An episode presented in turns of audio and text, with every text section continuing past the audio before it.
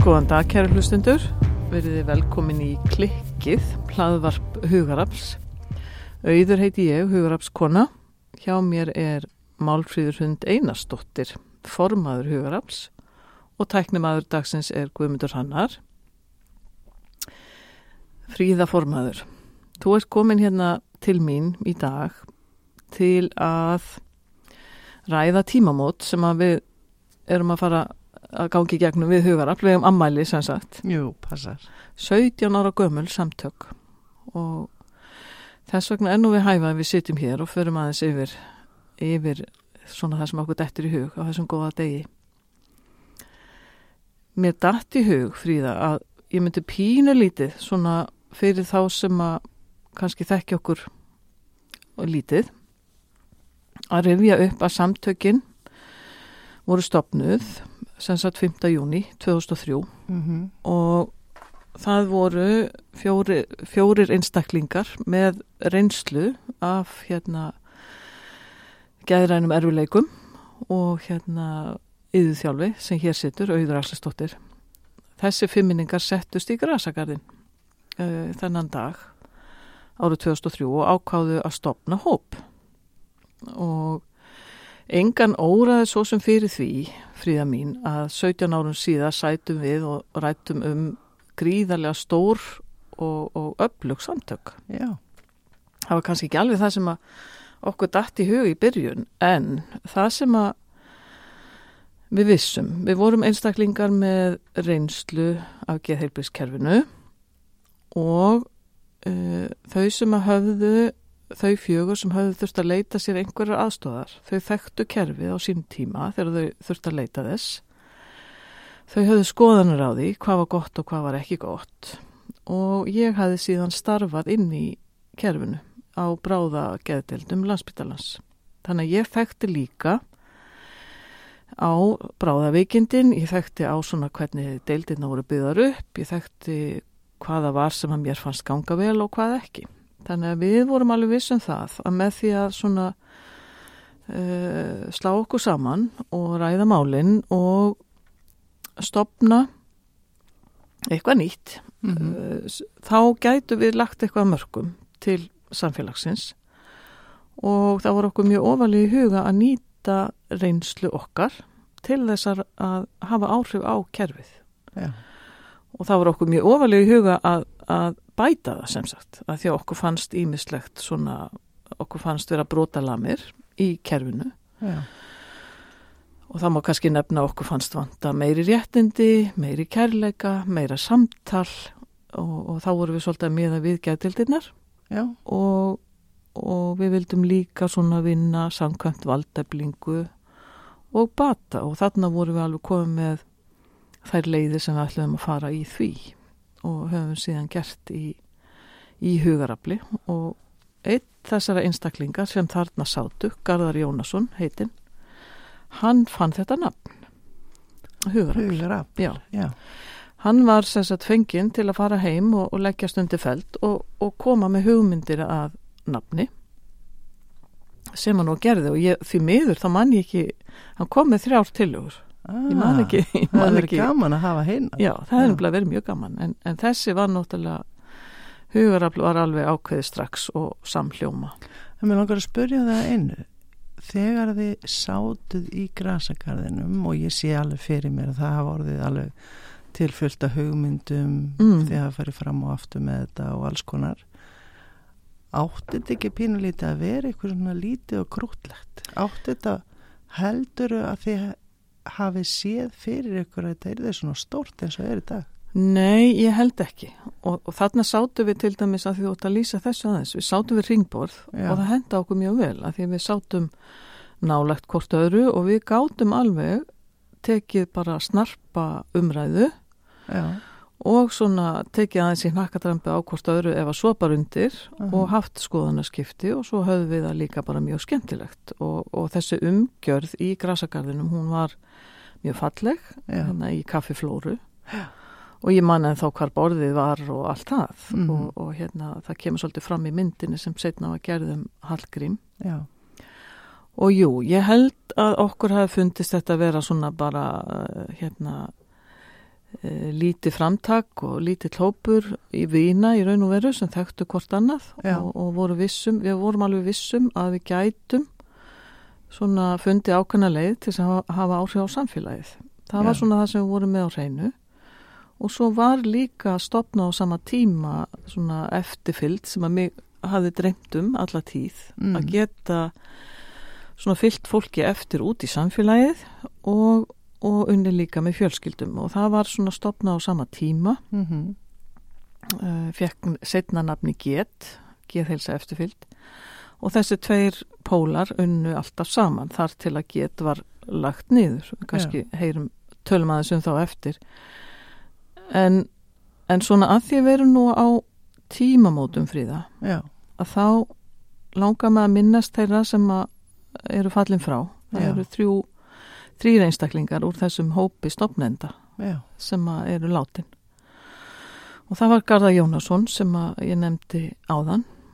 Hann, hann hérna lest 2008 já, og, og hérna Ragnhildur Bragadóttir hún lest 2010 og Hallgrimur Björgvinsson líka 2010 já, og það er eiginlega ekki takt að lýsa þeirri sorg sem að hérna uh, þetta olli að missa þessa frábæri einstaklinga og þau, þau létust öll úr líkamlegum eh, hérna sjúkdómum. Og en þau skildu mjög mikið eftir sig. Og mér langar bara svona að stikla á stóru með það að Garðar Jónasson var til dæmis það var hans hjartansmál að framkoma á geðdeildum væri góð. Hann hafði sjálfur upplifað uh, hérna erfið að framkoma gagvart sér og það satt mjög í honum. Já, og hann gerði allt sem hann gat til að koma því á framfæri að þetta þyrst að bæta. Já, Hann fór og talaði við fórstjóru spítalans, hann talaði við landlækni, hann talaði við alla, konur og kalla bara. Og var með svona tösku undir handlæknum og, og þar voru pappiratnir og brefin sem hann skrifaði og, og svona. já, Og svo þegar hún fannst þetta svona pínulítið eh, vera orðið gott þá lagði hann töskuna svolítið svona upp á hillu. já, og, og fór að sinna öðrum réttindamálum og, og hérna. Hann hafði kannski verið sá maður sem að myndi tala fyrir þeim aðferðum sem við notum í dag hér eða þeirri hugmyndafræði eins og Open Dialogue og ECPR. Ég minn eini og, og hann myndi gera það og hann myndi líka uh, uh, vilja stopna skjólhús eins og við höfum svo oft rætt Já, sem er þá svona óheðbundin leið til þess að geta kúpla frá og sofið í góðu umhverfi með, með hérna hlýja og kærleika. Já, og, og það væri gaman að innbrá því líka aftur og eftir fríða. Og svo var, var hérna Ragnhildur Bragadóttir. Hún var aldursforsundin okkar. Já, og ofsalega eh, bæði rétt sín og, og, og hérna kend okkur svona mannasiði eiginlega.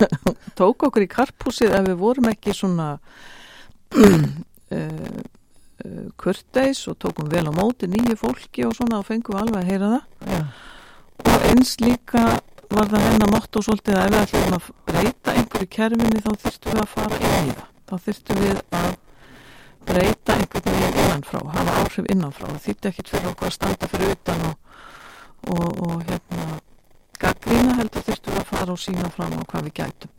Og við notuðum við raun og veru hennar leifinningu mjög vel og við gerum hann í dag. gerum enn í dag sko og hún situr alltaf og þau bara öll sitja svolítið svona á vakslunum á okkur og, og hérna vinna á sig. Og, og svo var það Hallgrim eh, Björgvinsson sem að, hérna lest líka 2010 og hann var ákaflega mikill svona uh, ræðusnillingur held ég með, í segja, hann hafði mjög gaman að því að tala og segja sögur.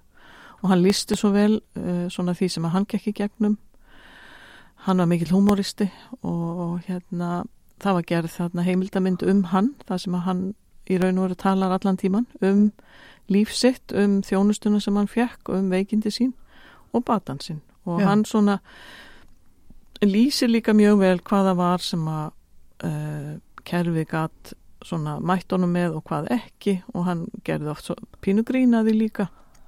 Og, og hérna svo líst hann líka svona sínum bata og hvaða var sem hann þurfti til þess að að hérna, lifa góðu lífi. Hann elskaði til dæmis að fá gesti. já, Þannig hans hjartans mál var að hafa heimili þannig að hann gæti tekið móti fólki. já, Þannig, og þessi hópur, uh, hérna, eins og ég sagði áðan, er, er alltaf með okkur og Jón Ari Arason sem Já. hætti að vinna með okkur 2007, hann fór svona til annara starfa, gifti sig og eignaði spörn og, og hérna, hann uh, var svona sá yngsti í hópnum já, og var svolítið svona uh, góður málsvari fyrir unga fólki, þar að leiðandi. Já, og við söknum hans að sjálfsögðu en hann fór svona að gera annað. Eh, þannig ég er nú vissum að hann fylgist með okkur.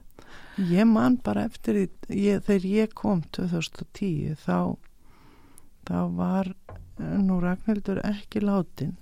Nei, og en já, mér minnir að það hafi verið þannig, þetta var í apríl. Mm og ég man eftir þetta var svo stort högg að missa þarna tvo já, einstaklinga. Já. ég man bara eftir því að sorgin hjá öllum mm inn í, í félaginu var mikil. Já, en það tókust allir á með hana saman. Já ég man eftir því. og ég var nýliði ég var, ég var bara að stíða með fyrstu skref. Mm og mér fannst þess svona eftir að higgja þá, þá voru allir að gera þetta saman. Já, og það hefur svolítið einkend okkur líka frá, bara til dagsins í dag. Mm Þú hefur oft myndað það fríða sem, sem formaður já, að og þannig eru einstaklingar sem að reyðja braut fyrir nýtt uh, nýjanálgun í raun og veru og stopna samtök og leggja ákveðin grunn, setja ákveðin markmið sem byggja á því að, að, að hérna, útrýma fordómum, hafa áhrif á kerfið, nýta reynslu fólks Já. sem að þarf að þykja þjónustu og, og um leið bæta réttindi og vinna svona samkvæmt hérna valdeblingu sem þýðir að, að allir á jafningjagrunni og valdeblingar eru þetta stórt hugtak en, en byggir svona fyrst og fremst á því að, að hafa réttindin ofarlega og, og í heiðri bara og, og hérna vera á jafningjagrunni og, og vera í samfélagi manna líka tilheyra. Og, og hérna þannig að, þessir hópur sem byrjar þarna leggur ákveðin svona ákveðina línu um að þetta er að vera svona bæði persónlegt en líka byggja á réttundum og við höfum oft, ef við höfum lent svona í erfileikum til dæmis sem við höfum alveg gert já, á þessum árum já, að þá höfum við oft rætt þetta þurfum við ekki að fara svona back to basics? Og það hefur verið svona þín setning ekki satt? jú, alltaf að fara. Býtu, hvernig var þetta hugsað? Mm ég held að sé svo mikilvægt að þetta er, þetta er verið alveg gríðalega mikið svona í raun og veru frumkvæðla starf þá -hmm. ef ég hugsa bara til þess 2003 að bara bata hugmyndafræðin að fara Já. að vinna með bata hugmyndafræði það, það, er, það er sko heimin og haf hvað hefur gerst í íslensku þó, þó, við viljum sjá það hraðar gerast Já, og við viljum sjá það meira en þetta var, þetta var ekki til þetta orð Nei, í, í, í, hjá þeim sem voru í kerfinu sem þurftu að fara þá leið að vera í sí endur þennum innlögnum fara, leita einhvern veginn leiða. Mm það var ekki til sem heit bati eða bara hugmyndum bata. Það var mjög lítið rætt á þessum tíma og sumum fannst þetta að vera algjörð þvæla. Og, og hérna ég man eftir að við fréttum það fyrsta sem að Jón Ari gerði til dæmis, það, við tókum oft unnum ofta hugssjónum okkar í gegnum verkefni og gerum ennþá. Já, og það fyrsta sem Jón Ari gerði var að þýða bækling, mikil og er góður enskumadur sem heitir að halda völdum og virðingu í viðtali hjá geðlækni. Já, og, og þetta er, er bæklingu sem kemur uppalega frá, frá Patricio Díkan sem er mikil baráttu kona mm, og þessi bæklingur uh, olli miklum usla. Uh, við fréttum af, af hérna, einum band sjóðandi reyðum lækni einhverstaðar inn, inn við sundin blá sem að uh, fílaði þetta nú ekki. Hvað er það eiginlega að meina? Mm, en auðvitað var verið að, að það sem að fyrst og fremst kemur þarna fram, það er uh, hérna hvernig þú þarfst að undibúa þig til þess að halda bara virðingunni og réttindunum uh, undibúa þig fyrir viðtöl. Já, og hérna skrá nýður svona hvað það er sem þú þarfst að tala um og, og þetta er í sjálf sér þetta hljómar mjög eðlilega í dag að, að, að það er fyrst og fremst þú sem einstaklingur sem þarfst að fá rödd og þarfst að koma já, þín á framfæri og svo þarfst að vinna með lækninum. Já, hann er ekki að vinna fyrir þig veist, eins og er kannski oft nálgunin. Já, kannski enn þann dag í dag. Já, en þarna var við að benda á annað og, og, og fengum í kjölfari mjög skemmtilega fyrirspurt frá Pétri Haugsinni já, geðlækni mm, sem sagði er þið ekki tilbúin til að gera annan bækling sem er þá hvernig á geðlæknin halda völdum og virðingu? Já, og það var, það var gert og við þurfum í raun og veru að rifja upp báða þessa bæklinga. Já, En þetta lísti svolítið kannski tíðarandanum að, að fólk sem að eh, er með geðraskanir hafði kannski ekki mjög mikla rödd á þessum tíma. Nei, nei, nei, og það var ekki mikið talað um batan eins og þú segir. Nei, og kannski ekki endilega verið að ætlast til þess að fólk hefði skoðun á því heldur. Veist, að, og þetta eru við auðvitað að vinna með enn þann dag í dag. já, og, við, ég get ekki hugsa mér, ég get ekki hugsa mér þess bara reynd út uh, kerfi, eða ge, geðhilbriðis kerfið, hvort sem það sé kerfið okkar eða grasrót vinna öðruvísi, öðruvísi heldur en með þá hugmynd að það bati sér mögulegur. Akkurat. Í raun og veru er það kannski, kannski er það pínlítið forrættindi að hópurinn fór af stað fyrir 17 ára síðan Mm með þetta í farteskinu. Já, Af því að ég það er bara mér eh, ómögulegt að hugsa öðruvísi en að þetta sé svona. já.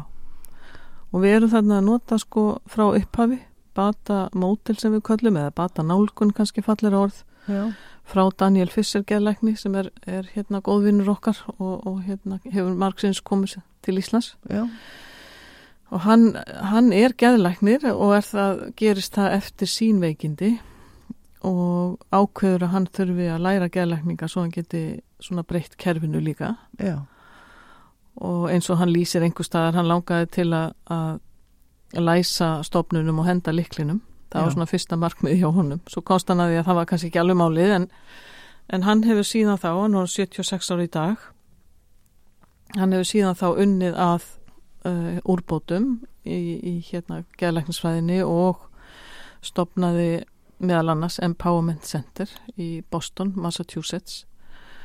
Og við erum að nota hans mótel sem að hérna hann sem geðlæknir ákveður að það vantar eitthvað inn í læknisfræðilega mótelið já, hann ákveður það á sín tíma og hannar annað mótil sem að hann vill nota og, og hún er vist ekkit að því svo sem að nota þetta hlið við hlið en að hann leggur mikla áherslu á það í sínu mótili að, að bati sér staðrind og, og hérna eh, það sé í raun og veru svo vinna sem framfer í svona sjálfsvinnu að átta sig á tilfinningum og, og, og læra ákvarðanatöku, læra valmöguleika og allt slíkt með, með hérna valdeblinguna í farteskinu mhm, sé það sem að, að svona stuðlar að bata.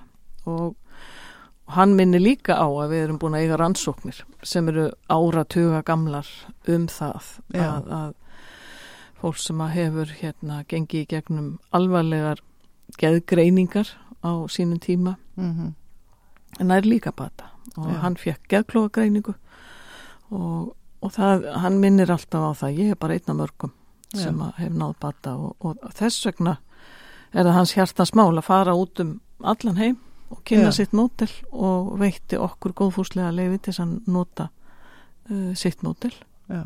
Svo hefur hann farið lengra með, með ECPR já, þegar hann ja, tekur þátt í því verkefni já, og þá fer hann svona aðeins lengra út í hvernig svona ákjósanlegast er að vinna með það. mm. og það má kannski bara dvelja þess við það fríða mína því að, að sko nú erum við uh, hann þjálfar okkur upp í þessari nálgun með andlega hjartanhóðu Já, okkur tvær. Já. og á samt einari bjössinni já, og við erum þrýr þjálfarar á, á Íslandi. Já, uh, fjórir í Evrópa ef ég mann rétt. Og þannig að, að og þessi nálgum byggir raun og veru svolítið á bara því sem við erum að tala um að uh, það að gangi gegnum geðrana erfileika er ekki endilega eitthvað sem passar inn í geðgreiningarkerfi. Nei, heldur byggist á uh, jáfnvel uh, áföllum, missi, vöndun og stuðningi eða einhverju slíku sem að erfileiku sem fólk í gegnum og þjáningu. Já, sem því miður þróast þannig að það verður til svona gríðarlega stort greiningakerfi í kringu það sem að er verið að reyna að tróða okkur inn í enn þann dag í dag. Já, og greiningum fjölgar og fjölgar og fjölgar eftir Já. því sem að samfélagi verður þróaðra. Já, og það er ekki góð þróun fyrst mér. nei, það er ekki, eh, ég held að sé ofta tíðum hættuleg þróun, Mm frekar, Já, og þetta er eins og kannski komið langar svona aðeins að einbra á uh, kom fram í greininni sem byrtist á stundinni mm sístu helgi um, um að við værum að sjúkdómsvæða tilfinningar. Já, og það held ég sé ekki heilvanlegt. Ég líti allavega á það þannig að það, þetta er eitthvað tímabil í lífiðinu þar sem þú gengur gegnum. Það kom eitthvað fyrir, það er eitthvað sem gerðist. Mm. og út af því bregstu við já, eða bregst líka með við. Líka minn er bregðast við óviðunandi aðstæðum áföllum, eitthvað sem gerðist. Og þess vegna ferðu í eitthvað ástand eða í öngstræti já, sem, þú stundum þarf hjálp við að komast út úr. Og mér finnst þetta að vera svo mikið í raun að vera finnst mér þetta ekki ekki vísendur mér finnst þetta að vera svona common sense að við sluta mm og og kannski af því að ég prófa það. Ég prófa báðar leiðir er hérna þegar þú kemur í hugaraflfríða finnur þá strax að það er einhver önnur svona nálgunarna sem mætir þér? Já. Já, fyrir að fyrsta var það bat, að heyra það að það veri hægt að ná bata af því að ef þú fær geðgreiningu það er oft geðgreiningar sem að eru bara reyn, reynd og klárt að geðgreiningarnar eru eitthvað sem að er þú ert með sjúkdóm sem er jáfnvel lífshættulegur mm auðvitað er það tráma að, sitja hvernig degi þú ert hrættur um að deyja fá slíka greiningu Já, Já. alveg eins og manneskja sem fær líkamlega sjúkdóm sem Mhm. er, mm. við getum tekið krabba með sem dæmi og þú uh, mun, hefur einhvern x tíma auðvitað er það tráma það er ekkert minna tráma að, að það sé á andlega eitthvað í heilanum á þér sem heitir eitthvað og Mm þú verður hrættur þarna sá ég mikinn muna því ég fór í gegnum kerfið held mig ekki þurfa að gera neitt. Nema, jú, að gera það sem ég var sagt og ég gerði það vel. Fá lækningu? Fá lækningu eða ég trúði því ekkert að ég fengi lækningu. Ég gæti lifað svona. Ah, með því að ég tók lifin mín og, og það var alltaf verið að reyndar á tímabili verið að breyta og bæta og breyta og, og þetta var mikið hringl mm Og jú, ég fór í alls konar uh, úræði og hluti sem gögnuðst að einhverju, einhverju marki eins og reyndar huran atverðleismeðferð hendaði mér ekki en, mm. En ég fór á Kvítaband og ég fór á Reykjalund og það gerði mig gott Mm um tíma en ég þurfti meira og það þýtti að fara að taka upp á bakpókana mínum alls konar áföll, alls konar hluti sem ég hafi gengið í gegnum og það opnaðist á það í hugrafli. ah, að, þurfa, að þessi að þurfa að líta inn á við Já, Já. og að gera. Ég Já. þurfti að gera sjálf, ekki fólki kringum mig til þess að ná, ná bata já, og það í gegnum valdeflingu, ná valdinu aftur. mm Og því ég gæti ekkert farið að gera nema að hafa valdi sjálf. Nei. Og það var það sem ég sá líka væri öðruvísi. Það var bæði það að ég vissi ekkert hverjir voru hvað. Ég vissi ekkert hverjir voru að þykja þjónustu eða veitaþjónustu það voru allir bara þarna saman mm okkar fundir voru tvisar í viku þá tveir tímar í senn og þetta var ofsalega uh, ofsalega gott andrumslott þetta var náttúrulega þetta var miklu minna en það er í dag. Það er þetta, já. En, en alltaf þessi sanni það sem við köllum alltaf hugarafls andi mm. hann er eitthvað sem er óutskýrt og ég vil líka hann við kærleika. Ok, kærleiki og og að allt fólk skipti máli mm. það er einhvern veginn viðhorfið sem að við höfum haft og von fyrir alla og trú á að allir geti náð bata. Já. Það er mjög mikilvæg upplýsing og líka bara eins og þú ert að lýsa að það sé nákvæmlega það sem mæti manni þegar maður kemur í já, og það sem við höfum nú svona bent á líka að í hefðbundni kerfi þá er eitthvað annað sem mætir þér eins og þú ert að lýsa. Já, kannski það að þú sérst að einhver leiti hérna með efnaójafvægi og það sé eitthvað brotið í þess sem þarf að laga.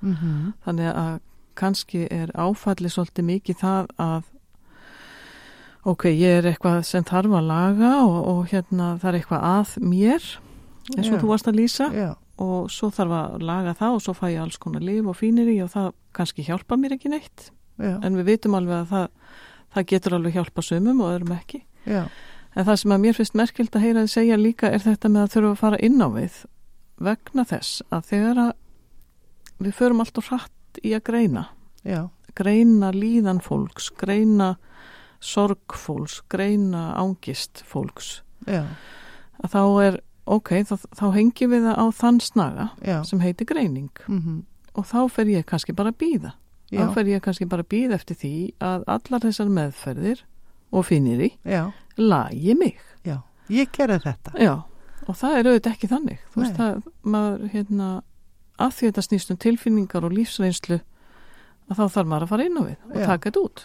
Hver er Já. sagan mín, hver er lífsagan mín? Lífsagan er það og það, það var líka annað sem ég hafði ekki heyrt talað um. Það var lífsaga Já. Og ég man að ég var í hópi sem að hittist á sunnudögum um, hjá honum Rannari okkar Jónssoni og hann held utan um þann hóp sem að gekk út af það einmitt að setja niður lífsjóna sína svolítið. Mm -hmm. og, og það var í fyrsta skipti þegar við fórum í þann hóp sem ég hafði bara heyrt þetta.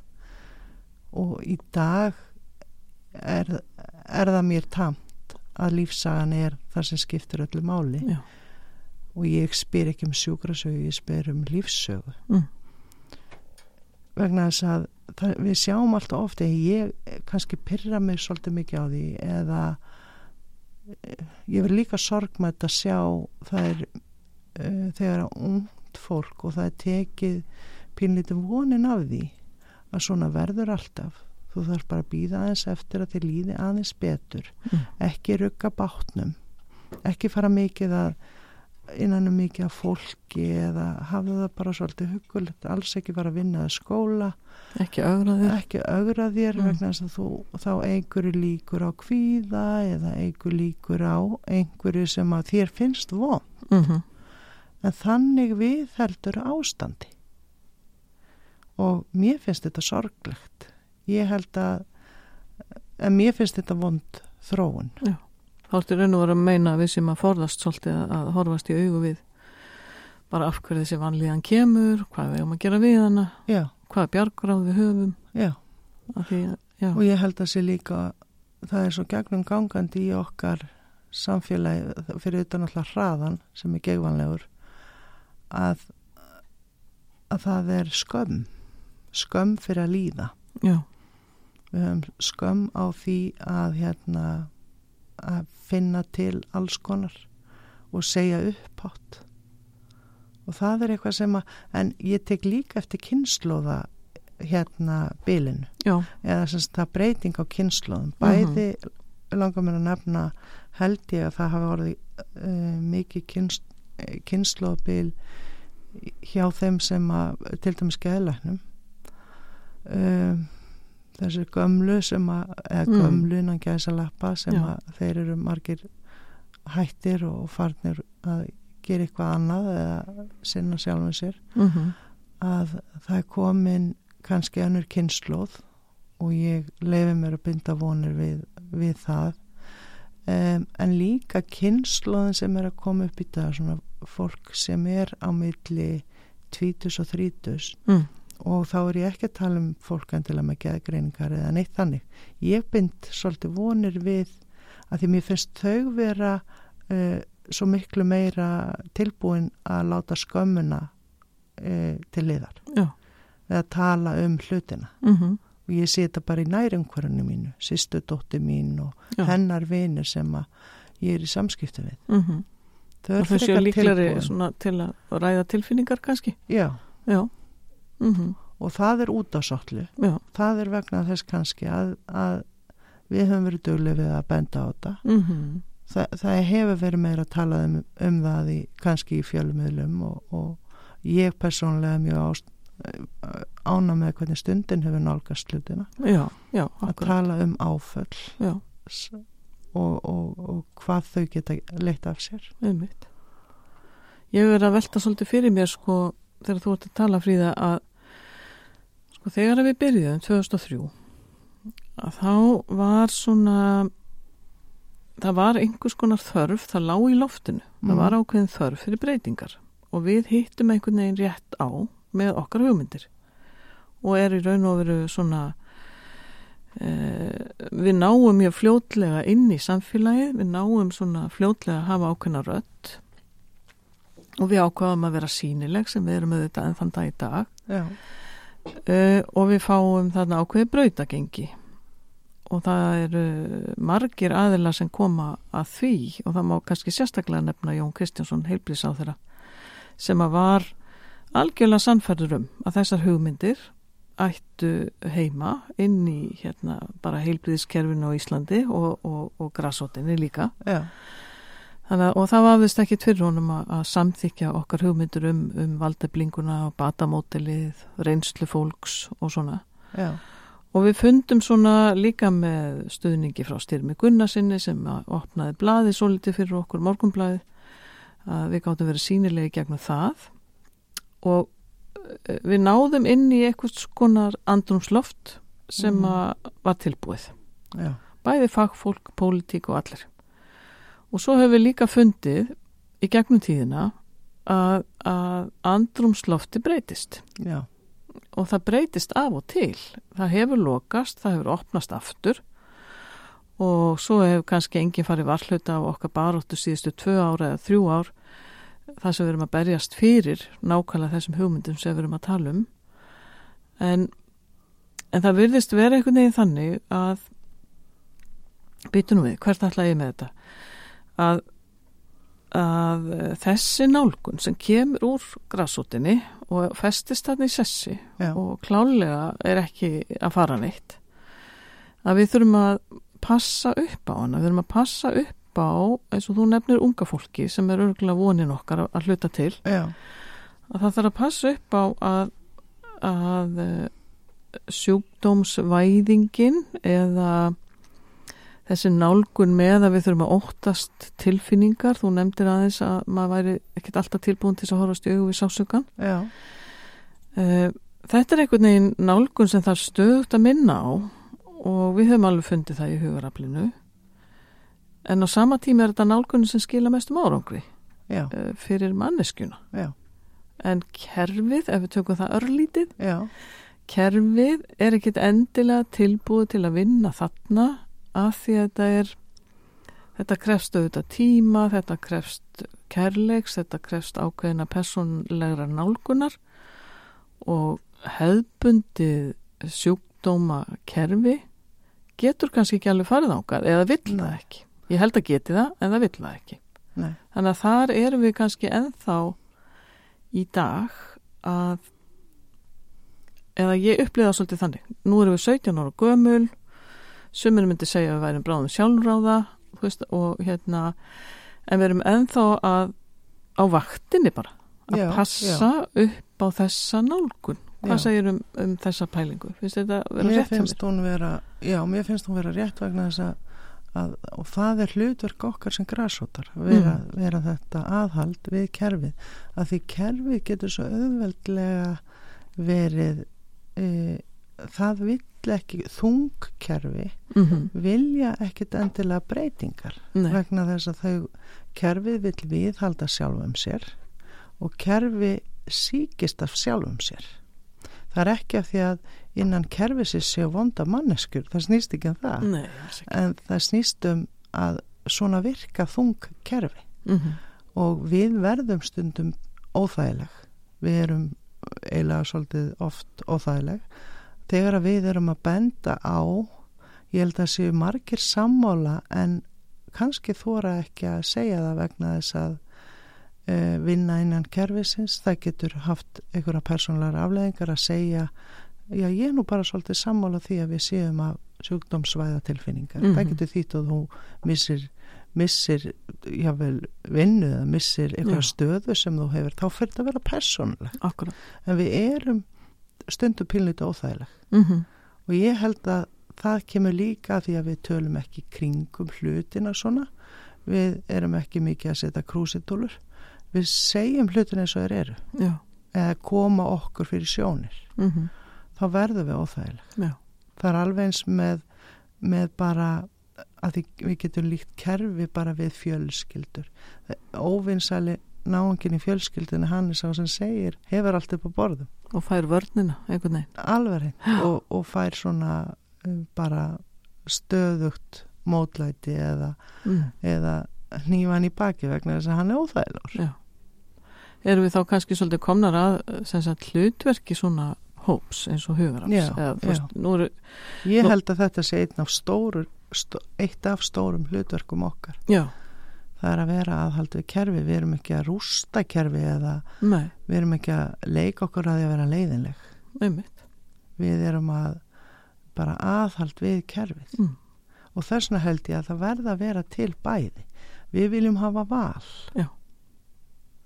grasótin verður að vera til. Mm Já, og ég held að eins og þú ert að segja, græsótin hefur gríðarlega stórt hlutverk. Já, og ég held að pólitíkusar séu stundum svona, ekki allir með það alveg á hreinu að gildi græsótasamtaka er mikið.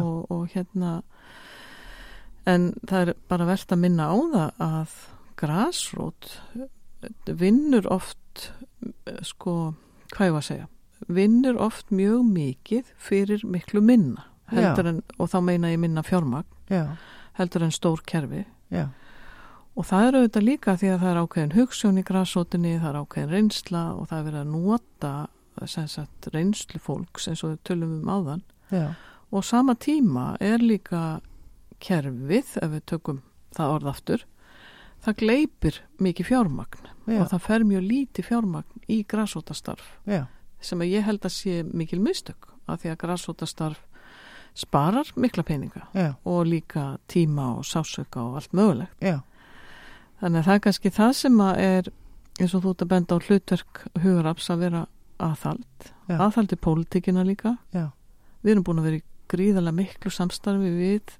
þing og þjóð og, og, og, og hérna sem að he- held ég að sé svolítið sérstakt á Íslandi að við náum til þeirra. já og við, mér langar að nefna einmitt að við erum mjög heppin með til dæmis félagsmálar á þeirra Mm -hmm. að hann er svona þengjandi eins og hann er. Já. hann gerir sig grein fyrir mikilvægi græsótar Mm og að allir hafi aðgang, aðgengi milliliða laust. Bursi frá, frá postnúmerum bara landfræðilega bara hvar þú ert á landinu. -hmm. hann gerir sig grein fyrir mikilvægi opnúræðana og bara grasrótar Já, og ég held að við erum ofsalega heppin með það hvað, hvað hann er. Og hann er tilbúin til að, að hlusta. Hann er tilbúin að hlusta á alla hliðar. Akkurat. Og hann veit okkur þarna brautagengi eftir hann ásmundur Einar Daðarsson. já, eftir uh, okkar baráttu svona svolítið fyrir lífinu þegar, þegar að teimið okkar er lagt niður get. Og þá var, var svona eh, voru erfileikar hjá hugarafli og óvissu tími þannig að hann ákveður að, að eins og þú ert að segja, hann ákveður að, að festa það í sessi að þetta opna úrræði já, sé aðgengilegt öllum, Já. allir landsbyðinni. Já. Og talandi um unga fólkið, þá hefur hann líka verið upptekinn af því að, að það sé opinn staður fyrir ungt fólk sem að líður ekki vel og hefur nægan tíma, hefur nægan tíma til að hérna ná aftur svona uh, völdum sínum, já, að því við erum að tala um valdeflingu, já, eða valdi sínu alltaf ég að segja. Og svona ebla sjálfströst og ákveðni til þess að komast aftur út í samfélagið. Og svo hefur ásmundur einnig líka svona bent á mikilvægi aðstandenda. Já, og, og það hefur okkur, verið okkar okkur hjartansmál allan tíman að Já. vinna með aðstandendum. Þannig að það er svona breið það breið flóra Já. af, af fólki öllum aldri eða frá 18 ára og upp úr. Og allir geta gengið í gegnum erfiða tíma í, varðandi heilsuna eins og við Já. erum bara að tala um oft í dag með, með COVID og, og, og áhyggjur fólks og óta veist, að, að þá eru þetta ég held að svona hlutverk svona stóra samtaka eins og ef við höldum því til haga hvað hugaraflir orðið stórt í dag já, það eru gríðarlega hérna, mörg hundru félagsmenn í eh, hérna, félaginu og yfir 200 mann sem koma hérna mánuði og, og sækja sér einhvers konar bata vinnu já, og það að tilheyra svona samfélagi skiptur auðvitað máli. En og það má segja að séu tvö stór samtök á Íslandi annars vegar geðhjálp sem að sinni hagsmunna baróttu já, og hugarafl Já. sem að sinni gríðarlega mikill hagsmunna baróttu líka já, en er á sama tíma uh, miðstöð, svona bata Já. miðstöð að, hérna, og svo er að sjálfsögðu fleiri úræði græsóttin en þetta eru stóru félagsamtökin já, sem að sinna fólki með, með sem gengur í gegnum gerana erfileika og aðstendendum þeirra. já, Þannig ég er svona velta fyrir mér, það er svolítið gaman að hugsa til þess að hvað litli hópurinn hérna hefur stækka mikið á Já. 17 árum já, og hérna hefur undið upp á sig. já. Mér langar að minna þau svolítið á eitt öður að því að, Já. að, því að nú ert þú ein af stopnendunum Mm að við erum alla daga að, að því þú nefndir það áðan í upphafi uh, hvernig hún la, hv- hvað hver og einn lagði upp með kannski og hafði styrkleika og nýtti þá eins og til dæmis hún Ragnhildur. Já, hvað hennar uh, sín er að nýta ok, nýtast okkur alla daga. Mm eins og þú nefndir áðan við unnum mikið í baráttunum með, með þingmönnum. Við fórum algjörlega hennar leið. Já, það er að vinna með. Eh, það er út á við. Það er þessi vinna út á við það sem gerist í því húsi alla daga er að vinna, við erum að vinna öll saman. Akkurat. og það er akkurat það sem hún lagði upp með. Mm þó svo hún hafi verið kannski að tala um, um kerfið. Nákvæmlega. en þá við að gera þetta alla daga.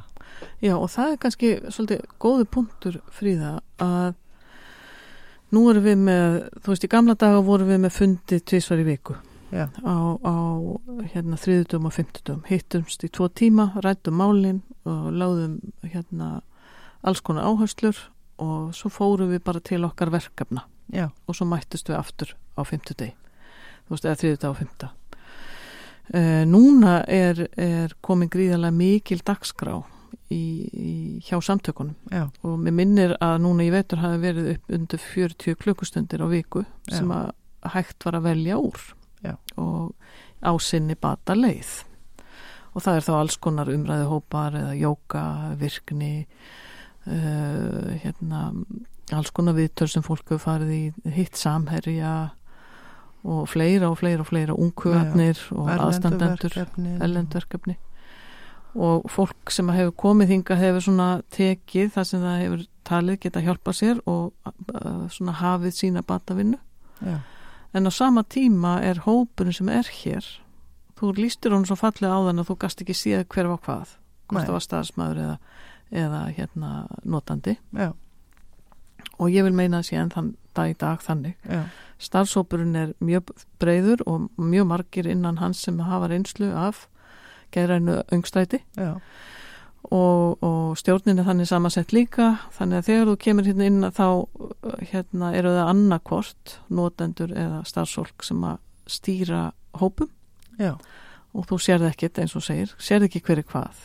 En, en uh, og það er auðvitað þessi jafninga grunnur líka sem Já. að byggir á því að reynsla fólks, hvort sem hún kemur úr fæi eða úr eigin lífi já, hún er jafn mikilvæg. Já, og við erum að svona setja hana í sama sæti og það, það er ekki, ég held að sé ekki tilvílun þegar við heyrum að því nú er mikið af okkar fólki eða fólkinu í kringum okkur sem að hefur farið í alls konar meðferðir, eh, viðtöl og annað slíkt. Það er alltaf sammert með fólkinu að það talar um ef að þerapistin, skulum við kalla mm Mhm. það, sama hvað heitir fæið, ég held að hann hafi reynslu sjálfur. Mm -hmm. það er alltaf eins og það sé hjálplegt. Já. allavega heyri ég á þeim sem ég tala við að þeim finnst hjálplegt ef að þerapistin hefur reynd eitthvað sjálfur og jafnvel deilir. Akkurat. Deilir með viðkomandi því að það verður allt annað svona kemistri Mhm. það verður allt öðruvísi Já. Ég var aðeins velt fyrir mér einu varðandi e,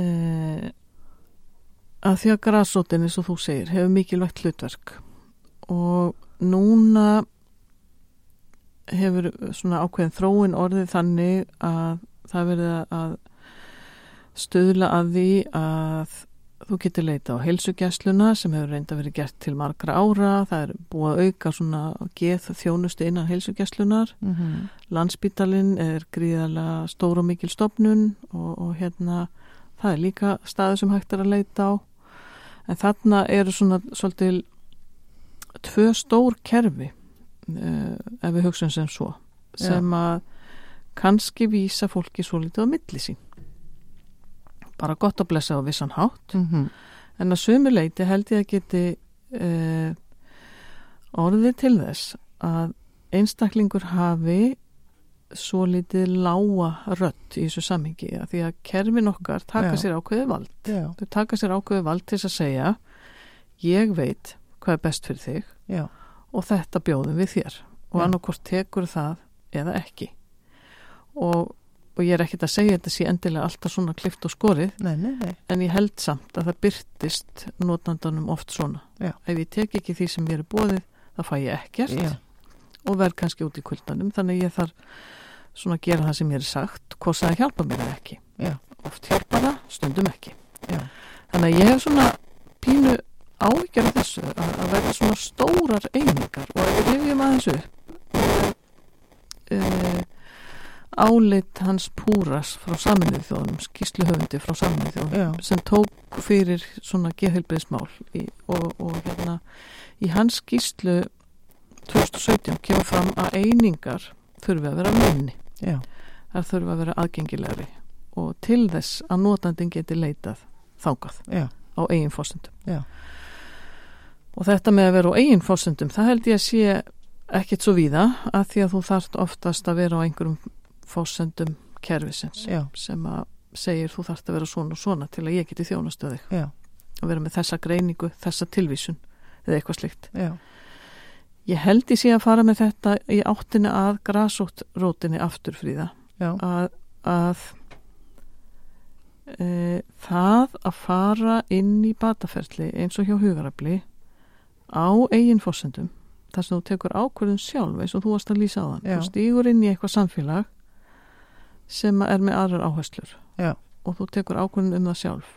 Ég held að bataferli verður öðruvísu fyrir vikið. Ef maður er sjálfur að fylgja einhverju uh, svona eigin hvað ég var að segja, eigin kjarnar eða eigin dræfi eða hvað þetta er. Já, já.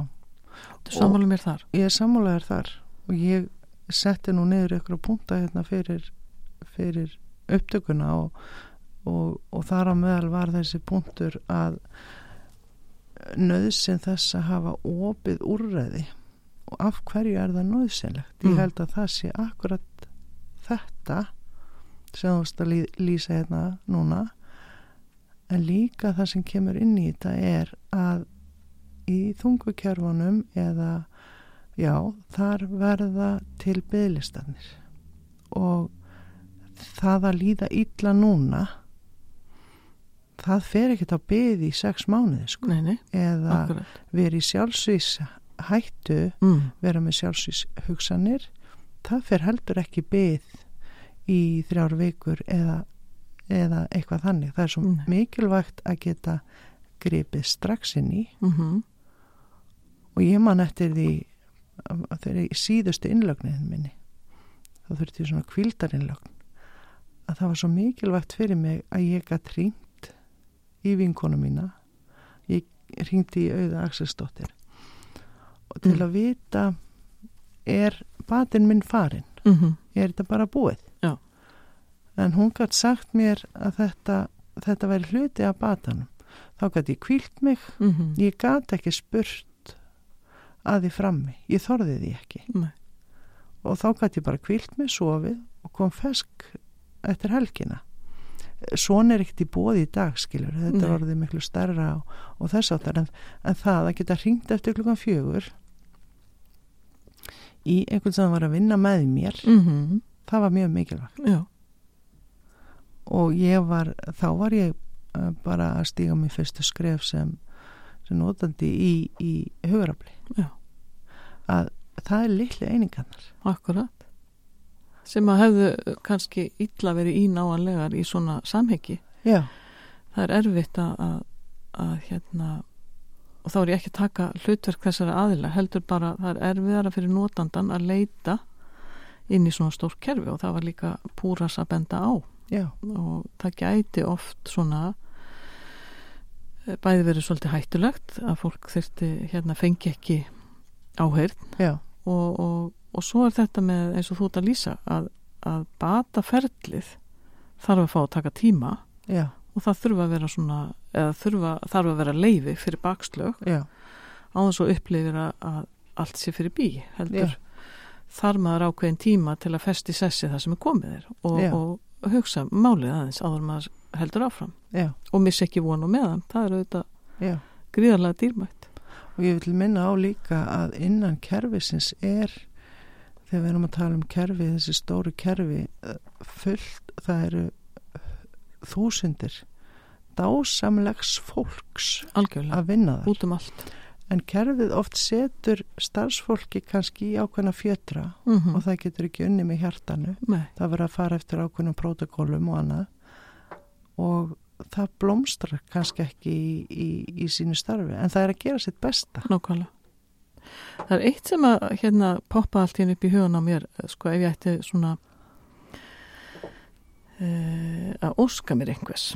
Lega mér að, að hérna svona ammælisósk já, ammælsósk já, það sem að ég myndi vilja að, að uh, myndi gerast það er eitt er að einingarnar myndi minka já, og að nálgunin eins og við höfum nefnt hérna lítilega sem byggir á því að fólk tengist fyrst og fremst, að tengist með hjartanu hvort sem það er fagfólk eða notendur eða, eða hérna veitendur eða, eða þykjendur eða hvað þetta Já, heitir nú já. allt saman. Mm að fólk tengist og finnur raun og veru á einhvern samhljóm í samstarfi.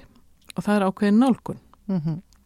ákveðin hugmyndafræði sem byggir á því að við séum jöfn og við Já. getum verið hérna láta okkur þykja vænt hvor, hvorum annað og svo getum við svona feta fótsporinu einhver leiti saman Mm og, og hérna og það hefur, ef við lesum gerhelbrið söguna út í gegn, að þá hafa komið svona hugmyndir inn á milli þar sem að þetta er ofarlega -hmm. og þá uh, hérna, kalla miljoterapi og svona alls konar, fengi alls konar nöfn já, en það sem að mér þætti þurfa að gerast að því að fjármagn til dæmis sem er sett aftur og aftur og aftur inn í kerfi sem er ekki búið að breyta um nálgun. Já, það virkar ekki.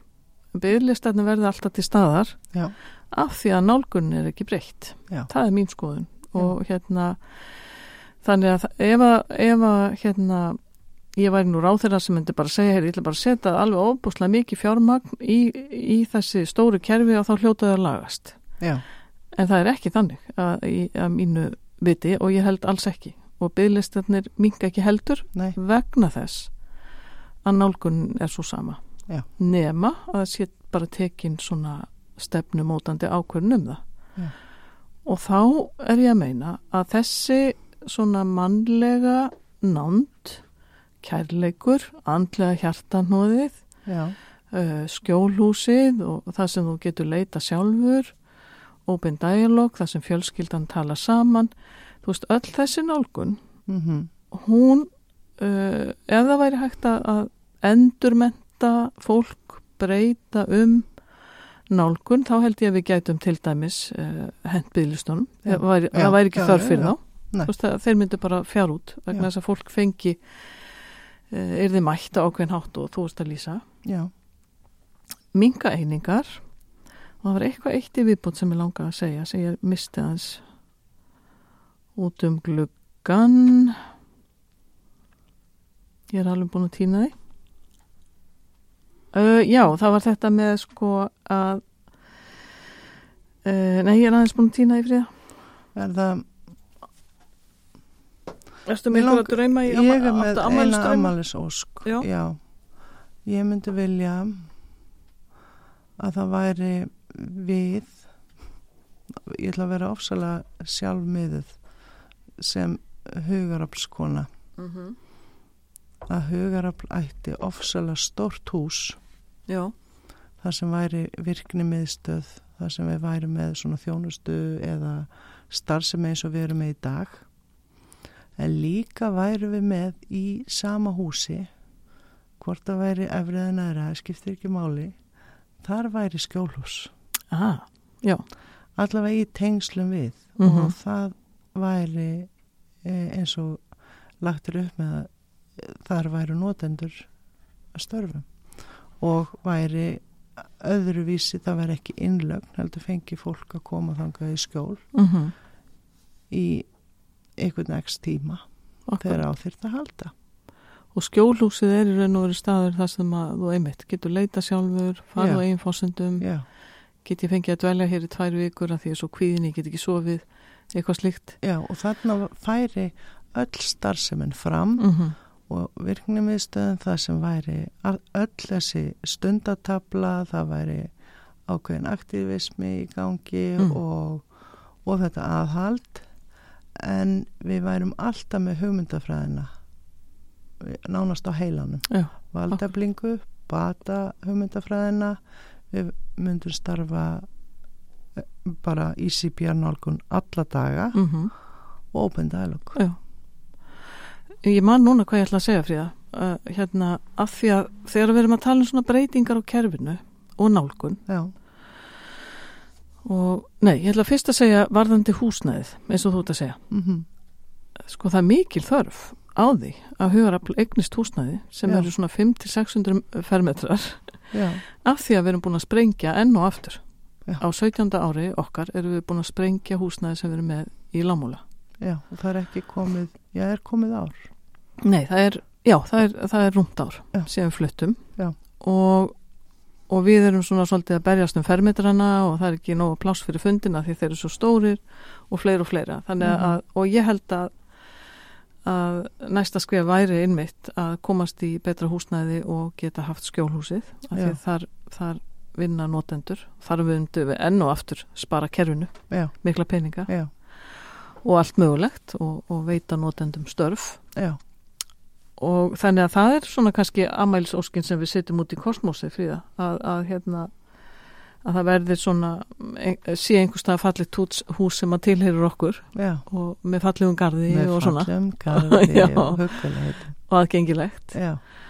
Og en það sem ég langa að segja á þann að því við erum að tala um sko einhvern veginn eru þú veist þessar hugmyndir uh, hafa margir fengið gegnum tíðin að það megi þú veist hérna auka gæsku og, og nánd í, í stórum kerfum. Mm og sem betur fer þá koma svona aðilar eins og púra sem bendir á þetta er á stórt, þetta er ekki notendavænt notend, notandin týnist í þessu. -hmm. og það eru ofnotuð lif og sjúkdómsgreiningar. Já. það er það sem gerist í svona stórum kerfum. Já, til þess að kerfin getur nú höndlað þennan mannfjölda sem kemur til þeirra. Já, þannig að, það er það eru svo mörg fordæmi fyrir því að það sé hægt að breyta. Að því að stundum þegar við erum að tala um þetta þá, þá fáum við að heyra, nei þetta er ekki hægt þetta er allt og, allt of eitthvað. Já.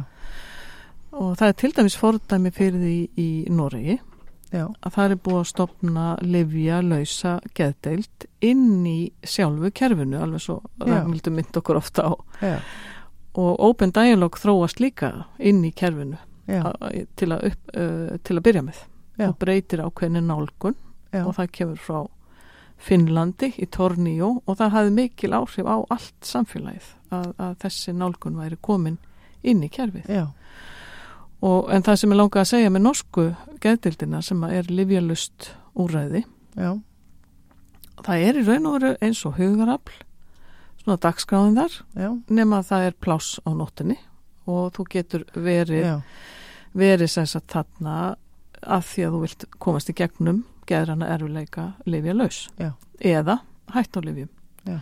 og þetta er að þetta er reyndar ekki nema þetta er sennilega að verða þryggjára gamalt í dag og þarna er tekin ákvörðin sem sagt á, á ráðurra plani að setja þetta inn í kerfið sjálft já, já, til þess að, að hafa áhrif á nálgun innan Já. kerfisins. Svona er eitthvað sem við gætum líka gert á Íslandi að, að hérna setja svona sprota hér og þar til Já. að breyta uh, þessari stöðnun sem að mér finnst við vera í, í já. geðhjöpiskerfinu. Hérna, En þetta var gert líka í Massachusetts mannstu þegar að þeir ákvaðu það ég kann ekki alveg að segja frá því og ætla ekki að fara að búa eitthvað til en þeir fóru að setja meiri pening í græsótina Akkurat. þá urðu til bara frábæri hlutir Mm uh, ég man ekki alveg hvernig þetta var þetta en, og, en það hefur viðhaldið sér að, að uh, græsótin færi miklu meiri uh, herri prósenduluta af öllu fjármagninu -hmm. og, og það þarf í raun og veru ekki stóru kerfin þurfa kannski ekki eins mikið af því græsótin er að sinna því fyrir minni pening Akkurat. Og það hlýtur að vera eftirsóknarvert. Já. Og við höfum alveg fundið það hjá þegar við ræðum við hérna eins og velferðarnemnd eða einhverja þingmenn og já, að það eru alltaf verið að reyna að finna út úr því hvernig og þess vegna uh, held ég að við höldum áfram að láta okkur dreymum það að sé pólitíku sem, sem sér alveg svo ásmundur sá gildi hugaraps að, Já. að, að, að sér gildi þessa að, að ebla uh, grasótina þannig að hún lifi af, að hún sé Já. ekki alltaf að berjast af því það er ótrúlega líjandi og það getur kannski verið svona önnur amælsóska að svona það sé fólki sem vinnur í grasót sé gert hátt undir höfði, bæði hvað varðar eh, fjármagn, húsnæði aðgengi og allt þetta og, Mhm. og að kannski þeir sem að uh, sitja hærra og telja sig vera valda meira eða eitthvað gætu stigið niður og tekið þetta samtal bara hvernig gerum við þetta best Já. Þú veist, það væri mjög eftirsókn að vera framtíð. Það væri það, snýst þetta ekki einmitt um það að við erum við erum öll manneskjur? Já, við erum öll jöfnundi sólinni.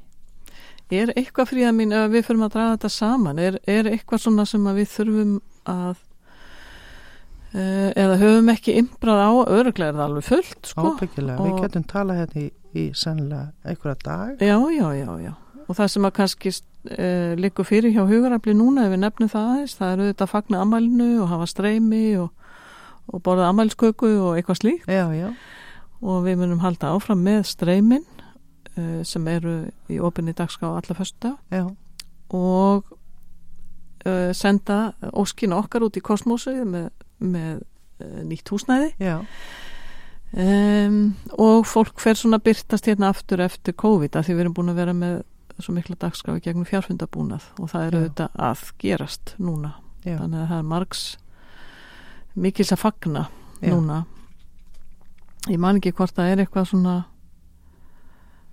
fleira sem við eigum að nefna annað en að sumarið kannski hjá hugarafli er alltaf þannig að það er, það er opið það er aðeins Já. minni dagskrá en það er samt öflug dagskrá já, og að því við hefum alveg fundið það að þó að sumarið og sólinn takki vel á móti manni þá er, hún, er það líka erfiðu tími já, Er eitthvað sem þið langar að nefna í lokin? Mér langar bara að óska okkur til hamingi með daginn Mm -hmm.